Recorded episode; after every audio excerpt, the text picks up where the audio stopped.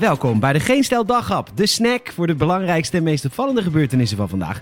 Met een knipoog. Met vandaag Hugo praat weer, walgelijke aanslag in boven Karspel en de prik van Jansen is de antichrist in vaccinvorm. Mijn naam is Peter Bouwman. Dit is het nieuws van woensdag 3 maart. Hugo, Hugo, Hugo. De, de afgelopen weken ging het zo goed. We stegen gestaag in de Europese vaccinatielijstjes en als een echte Rotterdammer zei je niks. Het was stil. Geen voorspellingen, geen verlossende apps, geen beloftes, niet lullen, maar prikken. En dan schuift hij opeens aan bij op één voor een nieuwe bierviltjesvoorspelling, waarbij presentatrice Giovanka Ostiana nog waarschuwde... Durft u het wel? Spoiler alert, dat durfde Hugo wel. Conclusie van die minister. Op 1 juli heeft iedereen die dat wil minstens één spuit in de armen gehad. Conclusie van het volk. Waarom nou weer hoop? Er is geen hoop. Alles wordt kutter en kutter.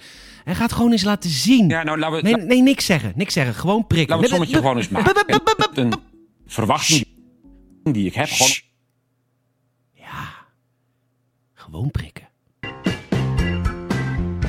Het was een bewogen ochtend vanochtend, want net voor zevenen ging er een bom af bij een GGD-testlocatie in boven Karspel, dat meldt The Guardian.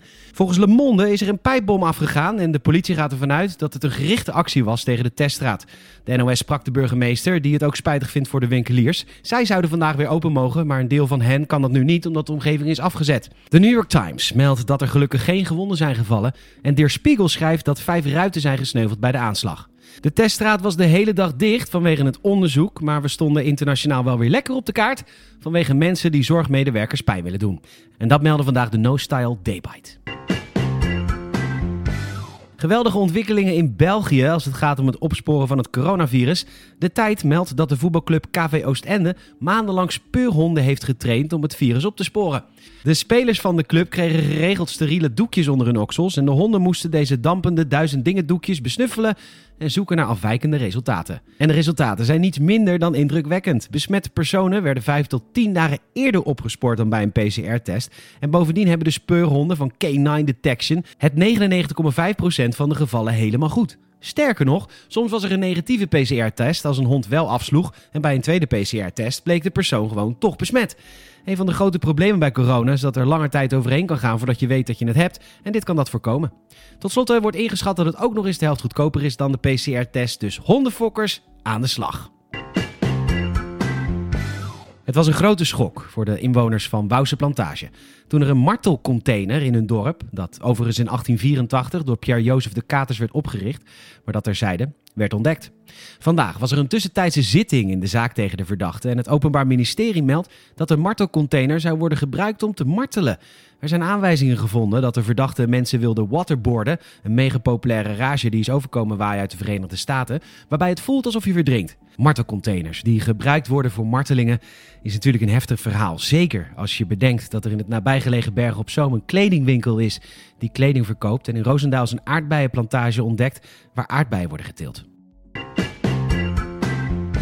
Weet je nog dat we met trots het Sodom en Gomorra van de wereld werden genoemd? Vooral door de Verenigde Staten. Hier mocht alles. Naar de hoeren, drugs kopen. We waren de eerste met het homohuwelijk. We mochten naar de hoeren.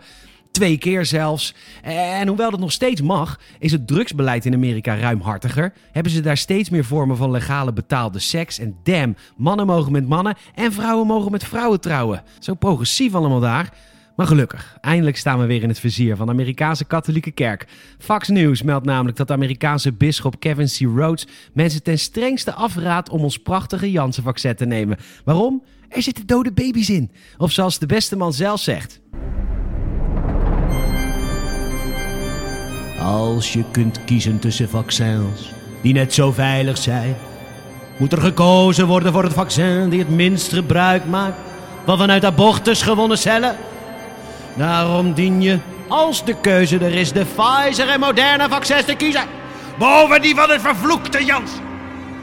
Het gaat allemaal om de cellijn HEK293 die gekloond is vanuit een foetus die in het begin van de jaren 70 is geaborteerd. Johnson Johnson heeft inmiddels gereageerd en zegt dat hun vaccin geen gebruik maakt van cellen van foetussen. En waarom dat precies zo is, dat leggen ze ook echt allemaal heel goed uit, maar dat snap ik niet helemaal. Bedankt voor het luisteren. Help de Geen Stel Daghap te groeien en vertel een vriend of vriendin over deze podcast. En ook een Apple Podcast Review zouden we enorm waarderen. Bedankt voor het luisteren en tot morgen.